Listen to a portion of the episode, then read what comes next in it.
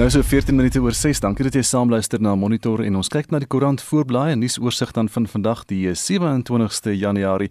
Die burger se hoofopskrif vanmôre: Vlak 3 regulasies. SA hoop CR sê gou oor verslapping.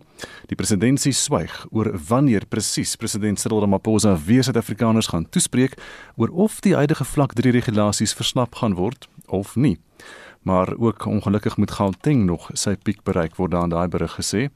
Van die ander berigte op die burger vanmôre spioene hou Zuma se vrou onwettig aan oor gifstories en al die dinge wat uitkom by die staatskapingskommissie oor wat agter die skerms gebeur het in die staatsveiligheidsagentskap. Ons berig ook net hierna verder daaroor. En masker laat dief se turf sit toe hy goedere wil verkoop. 'n Kenmerkende masker wat saam met sowat 30000 rand se goedere in Desember by 'n huis in Port Elizabeth gesteel is, het die eienaar se oog getref toe 'n man die gesteelde artikels by 'n winkel probeer smous het soos 'n masker het hom weggegee.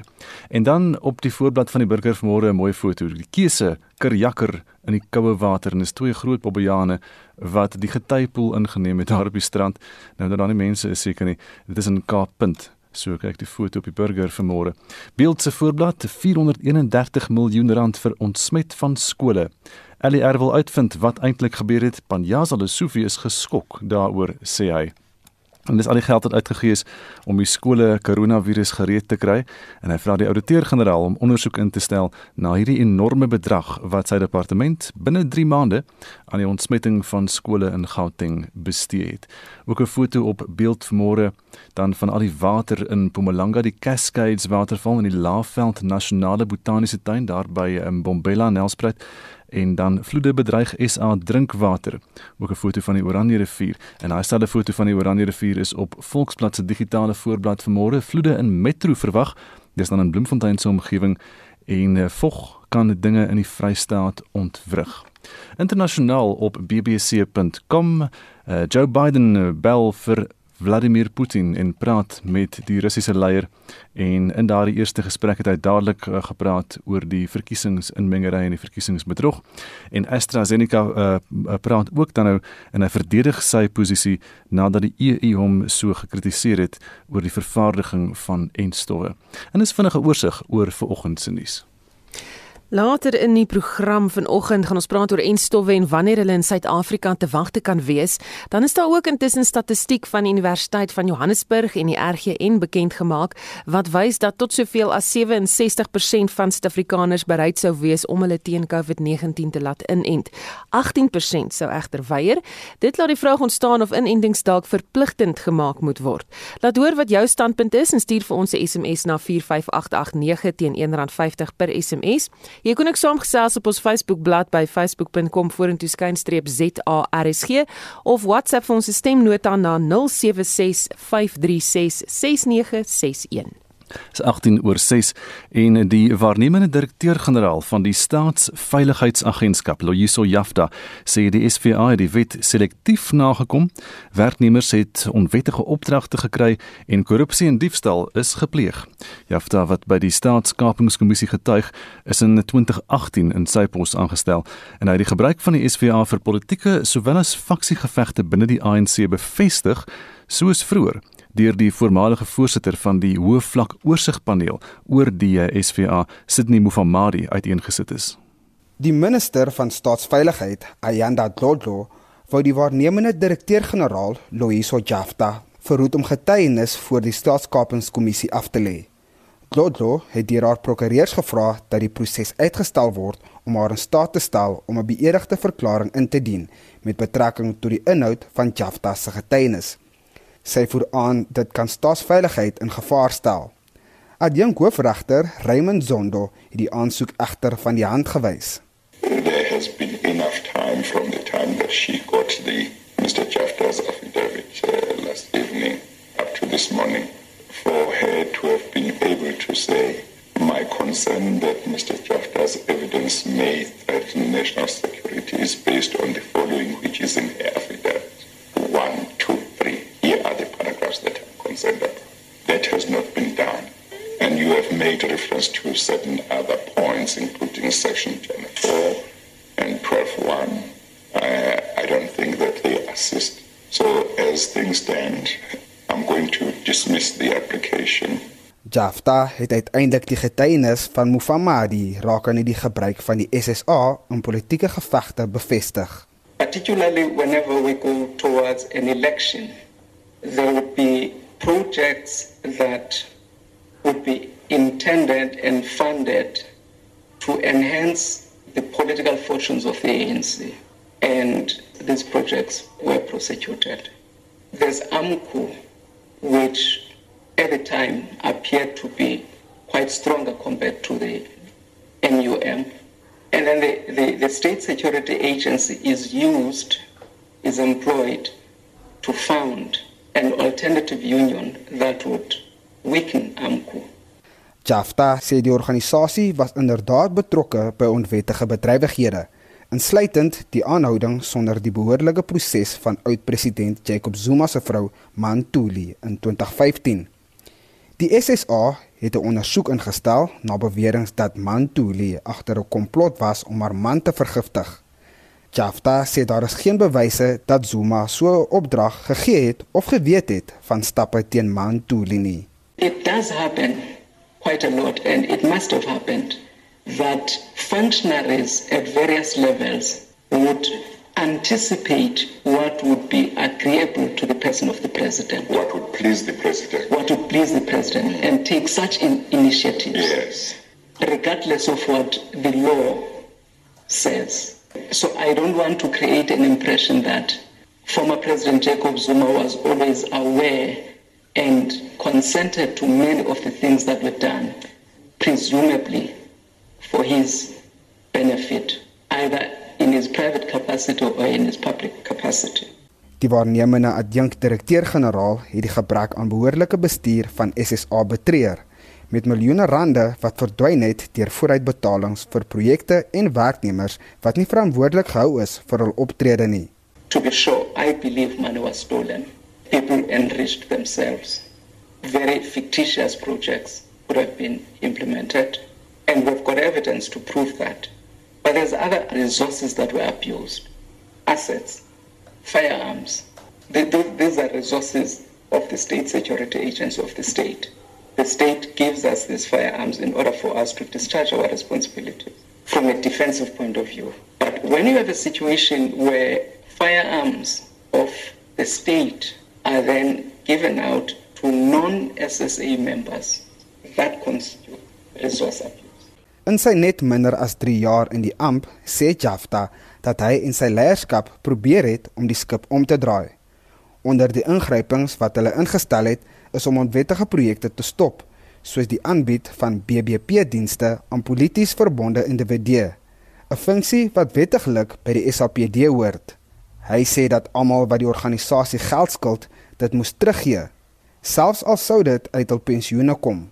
Die kwessie van oorsig kort nog aandag, asook die argitektuur van die instelling wat volgens Jafta enorme mag in 'n paar hande plaas.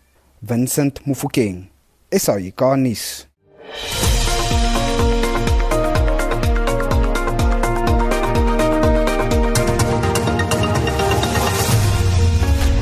Dis 26 minute oor 6 op monitor en die tropiese storm Eloise wat as 'n sikloon in die Indiese Oseaan begin het, het verwoesting in baie dele van Suid-Afrika gesaai toe sy nou later 'n laagdrukstelsel hier by ons geword het.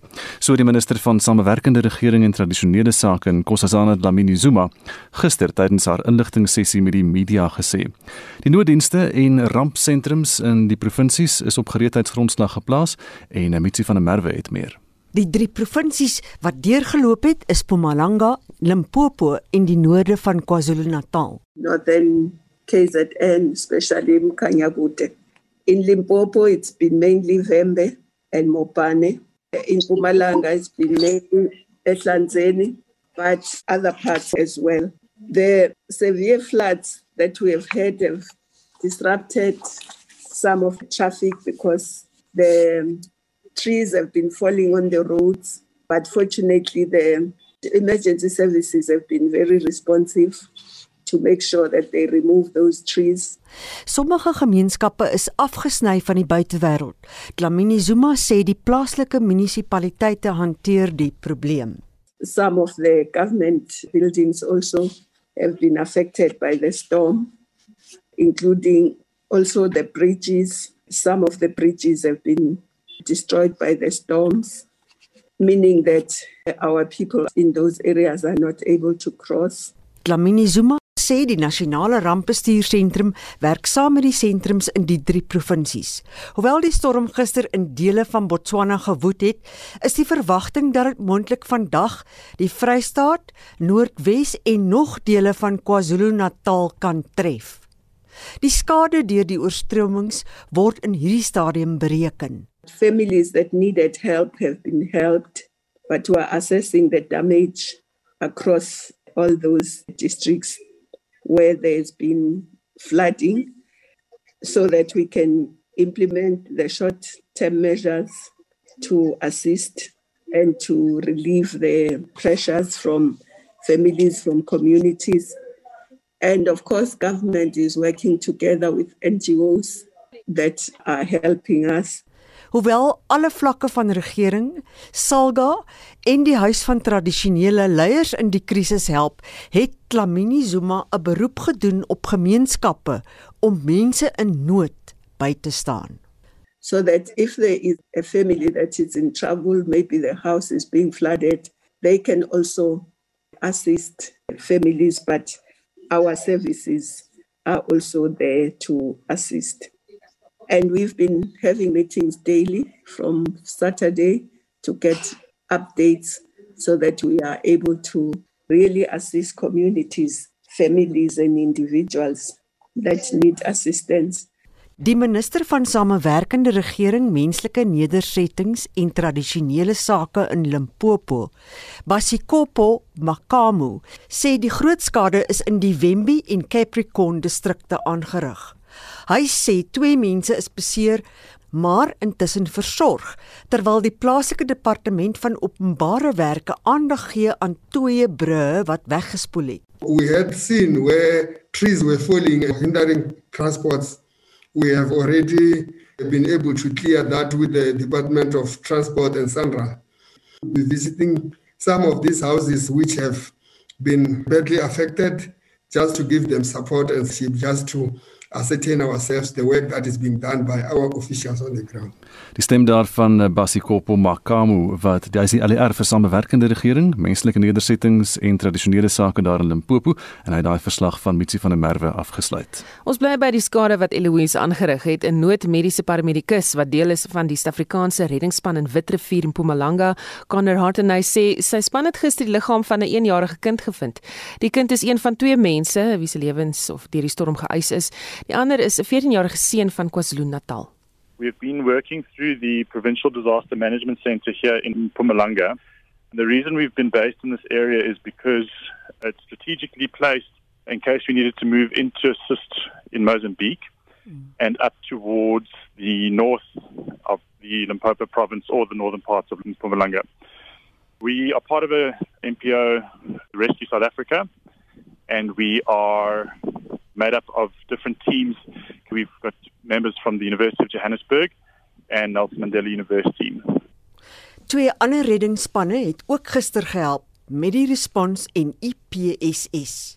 We have just actually come back from a body recovery of a alleged illegal miner that was washed downstream in the Blader River and we have managed to recover that victim today. There has been other reports a young child in another area of the province while the mother was crossing the river. They both fell into the water. The mother was able to get out of the water, but sadly the young child is deceased. Hoewel die son begin skyn het, toe monitor met Hatnaday gepraat het, het die wind nog sterk gewaai. But hopefully the rain has subsided. The river that we worked in this morning, the Glada River, uh, has dropped significantly, so hopefully it's the worst is over for the province. Mosambik het in tye van die onderhoud met Monitor nog geen hulp van die rampspanne gevra nie. We have been in contact with the INGC which is their version of disaster management and with the United Nations and other in Mozambique and they have indicated that there's also no need for rescue. So it appears that although there's significant flooding that communities have moved to higher ground to protect themselves from any flooding. And we also get feedback later on today about the water levels this stage it looks like there's no need for rescue. Die span sal vandag afhangende van die weerpatroon demobiliseer. Connor Hartney is 'n noodmediese kundige by die Universiteit Johannesburg. Mitsi van der Merwe, SAK nuus. Nou kom ons hoor wat sê jy oor inentings moet dit verpligtend gemaak word en uh, môre is dit Môre Susan Bets Ferreira sê die president het gesê dit sal nie verpligtend wees nie, maar werkgewers kan dit seker vereis om die werkmag te beskerm. Polio-inentings was destyds verpligtend en ons het dit elke jaar by die skool ontvang. Inentings teen siektes soos geelkoors is verpligtend as jy na sekere lande wou reis. Ons het egter nou 'n nuwe grondwet wat sekerlik die keuse van die minderheid beskerm. Bet sê ek sal beslis die entstof neem. Ricky Cooper Meys skryf: Ek wil glad nie verplig word om dit te neem nie. Dis verbuisterend om te weet dat dat wetenskaplikes ongeveer 30 jaar geneem het om 'n middel te vind wat HIV onder beheer bring en amper oornag is daar 'n COVID entstof. En hierop antwoord Koos Jak Loer: HIV is uniek problematies omdat dit die immuunstelsel self teiken en mRNA-entstof navorsing het al in 2005 begin. Dis niks net nie. Dit het egter 'n internasionale krisis en samewerking gekos plus onbeperkte geld en hulpbronne om dit deurgetrek te kry. Jonathan April van Gouda sê, "Hoe gaan ons die virus beveg as mense nou negatief raak? Die medisy doen hulle bes, so laat ons met hulle saamwerk." En 'n luisteraar laat weet, "Nee, ek vrees vir die inenting. Almal leer nog uit hierdie onbekende virus, daarom sal hulle nog baie toetse moet doen en wat die neeweffekte van die inenting is." En Piet van Oudtshoorn skryf, Nooit sal ek my laat inent nie. Daai goed is nog nie ordentlik getoets nie en selfs al maak hulle dit verpligtend, sal ek weier.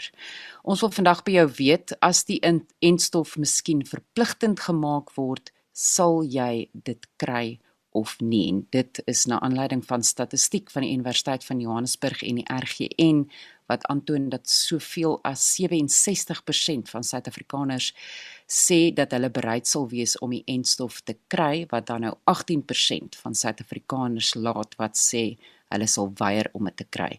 Stuur vir ons 'n SMS by 45889 teen R1.50 per SMS. Gesels saam op ons Facebookblad by facebook.com vorentoe skuinstreep ZARSG of WhatsApp vir ons stemnota na 076 536 69 61. Dis nou so 22 minute voor 7 uur by Monitor op RSG en ons beweeg na die sportveld. Hier is Shaun Jooste. Ons val weg met cricketnuus. Die eerste toets van die reeks tussen Pakistan en Suid-Afrika het gister in Karachi begin. Pakistan het dag 1 op 33 vir 4 in hulle eerste beurt geëindig nadat hulle die Proteas vir 220 lopies ook in hulle eerste beurt uitgeboonder het. Dean Elgar met sy 58 het die meeste lopies vir Suid-Afrika aangeteken en die snelbouler Kagiso Rabada het tot dusver twee paaltjies vir 8 lopies laat kantel. Er is gee hou luisteraars op hoogte van gebeure. Afghanistan het skoonskip in hulle eendagreeks teen Ierland gemaak en gister se derde en laaste wedstryd met 36 lopies gewen. Die draaibouler Rashid Khan was die speler van die wedstryd vir sy goeie vertoning met die golf en die bal en Ierland se Paul Sterling was die speler van die reeks. Hy het 285 aangeteken en dit sluit 200 talle in. Afghanistan het nou 30 punte op die IKR se Superliga punteleer. Ons vroue Protea span het ook skoonskip in hulle eendagreeks in Durban teen Pakistan gemaak toe hulle die besoekers gister in die derde en laaste wedstryd met 32 lopies verslaan het. Die snelbouler Shabnam Ismail het drie paaltjies vir 22 lopies laat kantel en was die speler van die wedstryd. Die T20 reeks tussen die twee spanne begin Vrydag en vind ook op Kingsmead in Durban plaas. In die plaaslike Momentum eendag reeks pak die Cape Cobras en Warriors mekaar later vanoggend op Senwes Park in Potchefstroom. Sokker. Beide gister se DStv Premier Liga wedstryde tussen Kaizer Chiefs en Baroka FC en Orlando Pirates en TS Galaxy het 1-1 gelyk op geëindig. In die Engelse Premier Liga het Crystal Palace 3-2 teen West Ham United en Newcastle United 2-1 teen Leeds United verloor. West Brom is 5-0 deur Manchester City kaf gedraf en Southampton 3-1 deur Arsenal uitoorlê. Manchester City is nou bo aan die punteleer op 41 punte. Die Duitser Thomas Tuchel is gister as die Engelse klub Chelsea se nuwe breier op 'n 18 maande kontrak aangestel. Hy vervang Frank Lampard as afrigter en is die 13de breier sedert die Rus Roman Abramovich die klub in 2003 gekoop het. En in die Afrika Nasies Kampioenskap het Marokko vir Uganda met 5-2 afgeronsel en Rwanda het 3-2 teen Togo geseëvier. Marokko eindig bo aan groep C op 7 punte. En laastens, die Southern Hills Butte Club in Tulsa in Oklahoma sal die 2022 PGA Kampioenskappe aanbied. Die golfbaan het 'n major laas in 2007 aangebied toe Tiger Woods sy 13de major titel ingepalem het. Shaun Schuster, SAK Sport. Nou ons bly by sportnuus. Die Olimpiese spele se organiseerders ontken berigte dat die Tokio spele weer vanjaar uitgestel sal word. Die komitee en ander sportliggame worstel met die kwessie om deelnemers teen COVID-19 by internasionale byeenkomste in te ent. 'n Lid van die IOK moedig die inenting van atlete aan, maar sê dat dit nie inenting kan afdwing nie. Steven Cornelius, 'n dosent verbonde aan die Universiteit van Pretoria vir sportreg en ook 'n oud lid van die atletiekbeheerliggaam die IAAF, gee sy mening daaroor. Die internasionale Olimpiese Komitee het reeds aangedui dat die spele in 2021 moet plaasvind en as COVID dit uh, onmoontlik maak om dit aan te bied in 2021, kan dit nie verder uitgestel word nie. Dan word die spele doeteenvoudig gekanselleer. Die rede is dat 2022 'n jaar vir die Winter Olimpiese spele is. So indien die spele nie vanjaar in Tokio plaasvind nie, dan uh, begin dit inbeweeg in die volgende siklus van die winterspele en dit skep probleme vir die Olimpiese Komitee. Watter probleme sal 'n kansellasie vir die spele hou?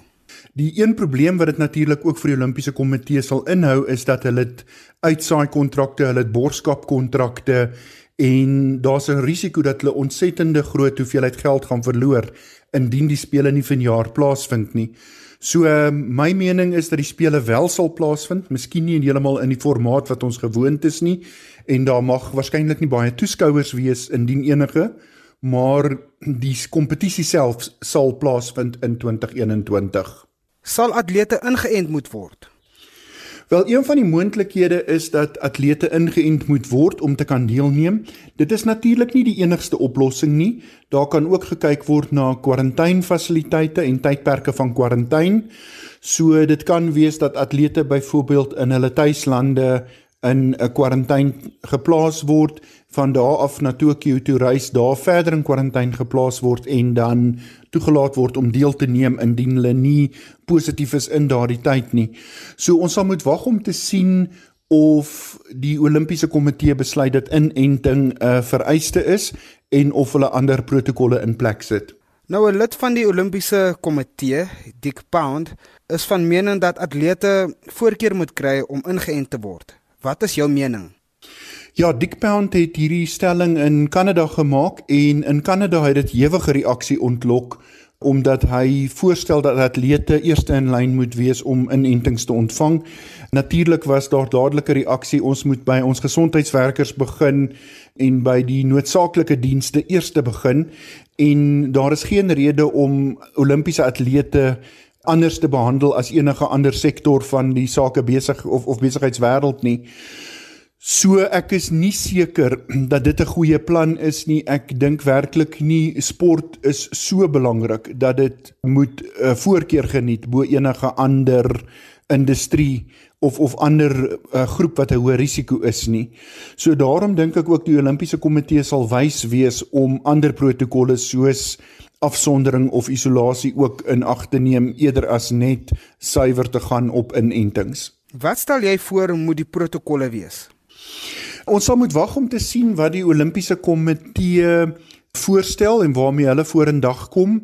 Dit kan insluit dat atlete wat ingeënt is wel vrygestel word om deel te neem, maar soos ek reeds genoem het, dit kan ook wees dat hulle byvoorbeeld tydperke van kwarantyne of isolasie instel en dan sal ons moet sien gaan die Japaneese owerhede byvoorbeeld uh, verantwoordelikheid hiervoor neem, gaan die Olimpiese Komitee verantwoordelikheid neem, gaan hulle dit afwentel na die nasionale Olimpiese Komitees toe? En ek vermoed dit gaan 'n uh, kombinasie hiervan wees. Dat die nasionale Olimpiese Komitees sekere maatreëls in plek sal moet sit dat die Olimpiese Komitee uh, sekere maatreëls in plek sal sit en dat die Japaneese owerhede ook hulle maatreëls in plek sal sit en dit sal waarskynlik ook isolasie en kwarantainfasiliteite insluit want ek kan my nie insien dat teen die tyd wat die Olimpiese spele moet plaasvind die inenting so vrylik beskikbaar gaan wees dat ons seker gaan wees alle atlete is ingeënt en is veilig nie. 'n Party lande sal dit moontlik die geval wees in Europa en in die FSA miskien, maar ek dink van die ander lande, veral ontwikkelende lande wat toegang tot die inentings maar beperk sal wees, dink ek ons gaan 'n ander proses moet volg. So ons sal maar moet sien wat is die protokolle wat in plek geplaas word, maar ek vermoed dit gaan isolasie beide in die tuisland sowel as in Japan insluit. En dit was Steven Cornelius, 'n sportregkenner verbonde aan Universiteit van Pretoria wat met Vincent Mofokeng gepraat het. Dis nou 14 minute voor 7 en Janet Yellen is nou nou ingehuldig as die eerste vroulike minister van finansies in die FSA. Yellen was van 2014 tot 2018 aan die stuur van die sentrale bank in Amerika, die Fed. En haar eerste groot projek sal wees om die Biden-administrasie se veldtog teen die COVID-19 pandemie dan eh, te befonds. Nou, ons praat nou met 'n ekonom van die Noordwes Besigheidsskool in Potchefstroom, professor Raymond Parsons. Raymond, goeiemôre. Goeiemôre, Gustav. So het die markte enigstens gereageer op uh, Janet Yellen se aanstelling? Gustav, ek dink as ons kyk na hierdie finansiële markte. Ons sien hulle eintlik positief gereageer op haar aanstelling as die minister van finansies in die FSA. Dis nie net op uh, op Wall Street nie, maar ook op die ander effekte beurse in die in die hele wêreld. En die algemene reaksie was dat sy 'n veilige paar hande is vir ekonomiese beleid daar en dat sy 'n sleutelrol, 'n sleutelanker sal wees vir vir president Biden se ekonomiese span. So in die algemeen was die was die reaksie baie positief. Raymond, wat weet ons van haar? Waar kom sy vandaan? Susan, sy is goed bekend en sy is goed eintlik gerespekteer as 'n ekonomiese skoolier en 'n ekonomiese beleidsformuleerder oor baie jare. Sy is baie ervare met diep ondervinding van hierdie belangrike beleidskwessies. Inderdaad, ek wil eintlik vir julle sê sy is nie net die eerste vrou wat hierdie pos beklee nie. Sy is ook die eerste persoon in die FSA wat al drie topbeleidsposisies in die ekonomie beklee. In eerste plek was sy die vorige voorsitter van die FSA president se raad van van ekonomiese raadgewers en dan soos jy genoem het, sy was vir 'n hele paar jaar ook ook die voorsitter van die FSA se sentrale bank en nou is sy die minister van finansies. So ek dink dat dat Janet Yellen se baanrekord van van betrokkenheid by by ekonomiese navorsing en inderdaad ook ekonomiese beleid is indrukwekkend. So is sy uit jou oogpunt dan die geskikte kandidaat vir alles jy vergelyk met die met die vorige man daar, ek dink Steve Mnuchin. Hoewel ek dink sy sou altyd op hoog op my kortlys gewees het van die kandidaate. Want sy het ook ander ander voordele albei partye in die senaat hou haar in hoog aansien op die oomblik. Sy is met 'n groot meerderheid aangestel. En ek dink ook dat die kombinasie van Janet Yellen as die minister van finansies in die FSA en meneer Jerome Powell as die huidige voorsitter van die sentrale bank is 'n goeie kombinasie in die huidige ekonomiese omstandighede. Ek dink 'n goeie aanstel. Raymond, is jy nog daar? Ek is hier. Daar sê sy sy net 'n klein bietjie weggebreek. Ehm um, sy het reeds kritiek gekry terwyl haar inhuldigingsonderhoud oor Biden se ekonomiese groeiplanne waarvan een plan is om glo belasting te verhoog. Wat staan daar te doen om die ekonomie weer aan die gang te kry in die FSA? Uh, Susan in haar getuienis aan die Senaat hierdie week het sy dit duidelik gestel dat sy die FSA ekonomie weer aan die gang wil kry. Gegee die pandemie en en al die impak wat dit op hulle ekonomie al gehad het haar benadering uh, is om om fiskale beleid in die FSA verder uit te bou om ekonomiese groei te bevorder. Oor die groeiende fiskale tekort sê sy sy sal later aan ander gee sy nou nie daaroor bekommerd nie. En oor oor president Biden se plan om sekere belastings te verhoog, het sy haar eintlik gedistansieer daarvan. En sê kyk my hoofdoel op die oomblik is om hierdie ekonomie aan die gang te kry. So ek dink dit is hulle dit is haar oorhoofse doel op op die oomblik en dit was haar boodskap aan die Senaat. En hoe moeilik gaan haar werk wees om hierdie groot ekonomiese stimuluspakket dan te bestuur? Dit gaan moeilik wees want daar is baie onsekerhede al by op die ekonomiese front en op die politieke front. Ons moet sien hoe lank gaan dit neem om hierdie uitgebreide fiskale pakket deur die kongres te kry. En ons moet ook verstaan dat in vergelyking met haar vorige aanstellings as minister van, van finansies is sy nou vir die eerste keer in 'n politieke rol, nie net 'n tegniese rol nie. Mm. En dit beteken nie uh dat alles sal vlot gaan nie, maar ten minste kan ons sê dat hierdie hierdie eintlike belangrike ekonomiese beleid sal bepaal sal bepaal word deur iemand wat weet wat sy doen. So dit gaan 'n sterk toets wees van haar basiese pragmatisme en haar verhouding met die kongres. Wat is die impak van haar aanstelling op Suid-Afrika? Wel jy weet Susan dit word altyd gesê dat as die FSA ekonomie nies kry die res van die wêreld verkoue. Nou selfs met die opkoms van China steek daar nog nog waarheid in in daardie gesegde. So dis in ons belang as 'n ekonomie dat dat ekonomiese groei in die FSA eintlik bevorder word. En dan het sy ook gesê aan die Senaat in in haar getuienis sy soek nie 'n swakker dollar nie, maar sy wil net hê dat die dollar moet deur die markkragte gedryf word. Mm -hmm. Dit skep die moontlikheid dat sy heel wat tevrede sou wees as die dollar verswak uh in hierdie jaar. So dit sal helpsaam wees vir ons wisselkoers die rand. Behalwe as ons dit nie verswak deur ons eie binnelandse faktore en besluite nie, ons kan dit nie dan aan Haskell stel nie. Ons sal dan moet daai besluite neem, maar ek dink oor die geheel is haar aanstelling goed goed vir die wêreldekonomie en ook vir die Suid-Afrikaanse ekonomie. Raymond baie dankie, dis baie interessant, die ekonom van die Noordwes Besigheidsskool in Potchefstroom daar, die professor Raymond Parsons. Die toerisme sektor het 'n groot nou weg na die eerste staat van inperking wees die heers weens die heersende pandemie, maar nadat die staat van inperking regulasies effe verslap is, het die bedryf weer kans gekry om sy deure te open. Vir die jongste oor hoe sake nou in die toerisme sektor staan, praat ons met die direkteur van die skool vir toerismebestuur of TREES aan die Noordwes Universiteit, professor Elmarie Slabbert. Goeiemôre Elmarie. Goeiemôre, hoe gaan dit? Met my gaan dit goed, maar hoe vaar die sektor tans?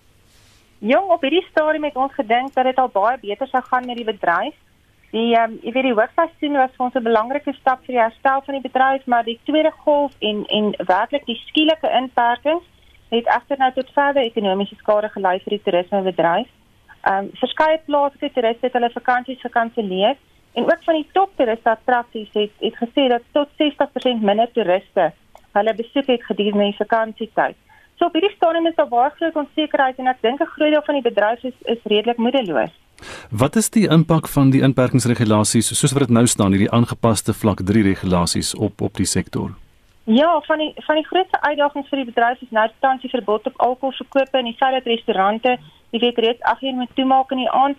En dit beteken net bloot dat mense gaan eers nie uit nie en dit plaas net nog meer druk op op die op die restaurante. So dit is nie op hierdie stadium bevorderlik vir ons bedryf nie. Tot hoe mate kon die sektor herstel na die eerste staat van inperking?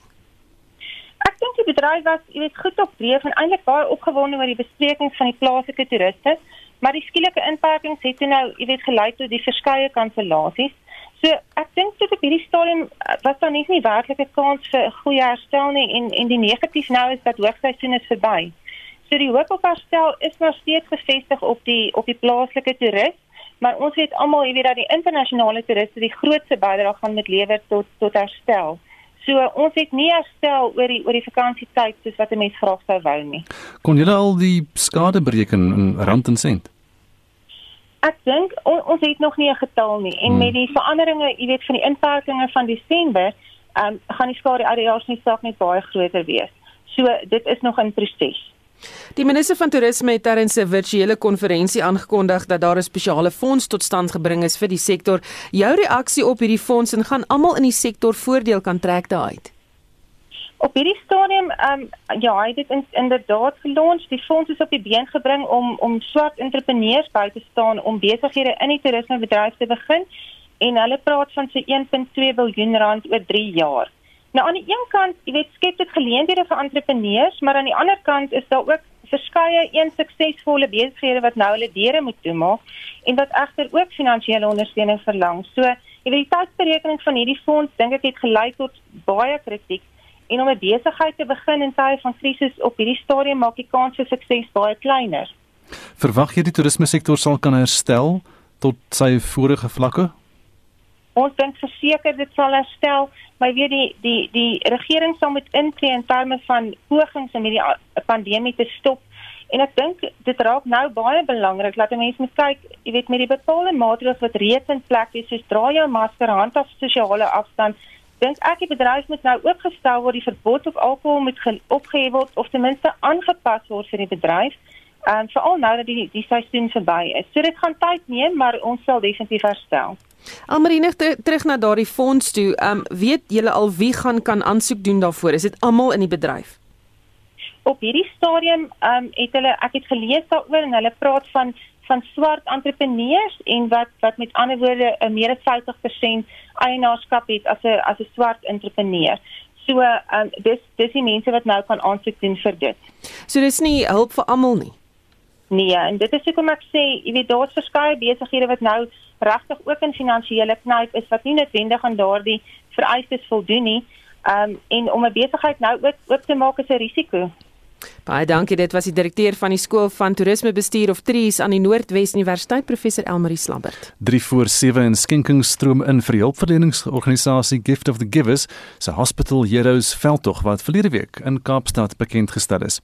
Nou die projek is daarop gemik om gesondheidsorgwerkers op die voorlinie staan met lekkernye te voorsien om hulle deur die lang dae te kry.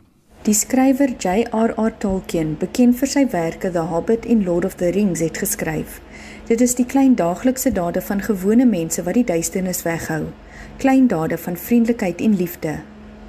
Klein dade van vriendelikheid en liefde is gister by die Brackengate Hospitaal van Hoop onderneem. Met 338 beddens is dit die grootste van die Wes-Kaapse veldhospitale. Dit het gedurende die tweede golf van die COVID-19 pandemie met meer as 90% kapasiteit gewerk. Byna 3000 pasiënte het deur sy deure gekom. Vir gesondheidswerkers was dit 'n ontstellende tyd. Drie van hul kollegas het aan die virus beswyk. Die Kaapse Metro se hoofdirekteur vir gesondheid, Dr. Giovanni Perez, sê hulle word daagliks met die dood gekonfronteer en nie net is die volgehoue lang werksure uitputtend nie, maar die emosionele tol is buitengewoon hoog. There's this perception in the public that they somehow must be hardened and immune to this. Now once we do that, we kind of lose our humanity.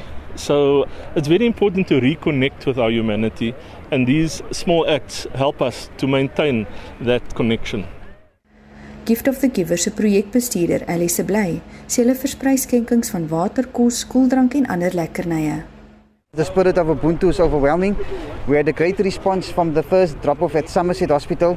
Donations are pouring in, and it's encouraging to see uh, the South African public is standing behind our healthcare workers, and we find uh, corporates slowly coming on board, donating bulk items for us to hand out to these heroes and heroines. Uh, that is our healthcare workers. Die organisasie hoop om die veldtog na ander provinsies te neem waar elke klein daad van vriendelikheid en liefde nuwe hoop sal bring. Hierdie verslag is saamgestel deur Mariska Botha in Kaapstad. Ek is Tanya Krause op George. Is die ek sien luisteraars is nie regtig lus om hierdie enstof te neem nie. Susan inderdaad, daar's baie mense wat sê hulle sal dit nie kry as dit verpligtend is nie. 'n Luisteraar sê op ons SMS-lyn, dis 'n feit dat die vervaardiger nie wetlik verantwoordelik gehou kan word vir die gevolge van die inenting nie, om dit dus verpligtend te maak is krimineel. Johan L sê ek is baie allergiese mens, bewys vir my dat ek nie 'n allergiese reaksie op dit sal hê nie enige enstof vat tussen 3 en 5 jaar om te ontwikkel en te toets. So hoe nou met die een?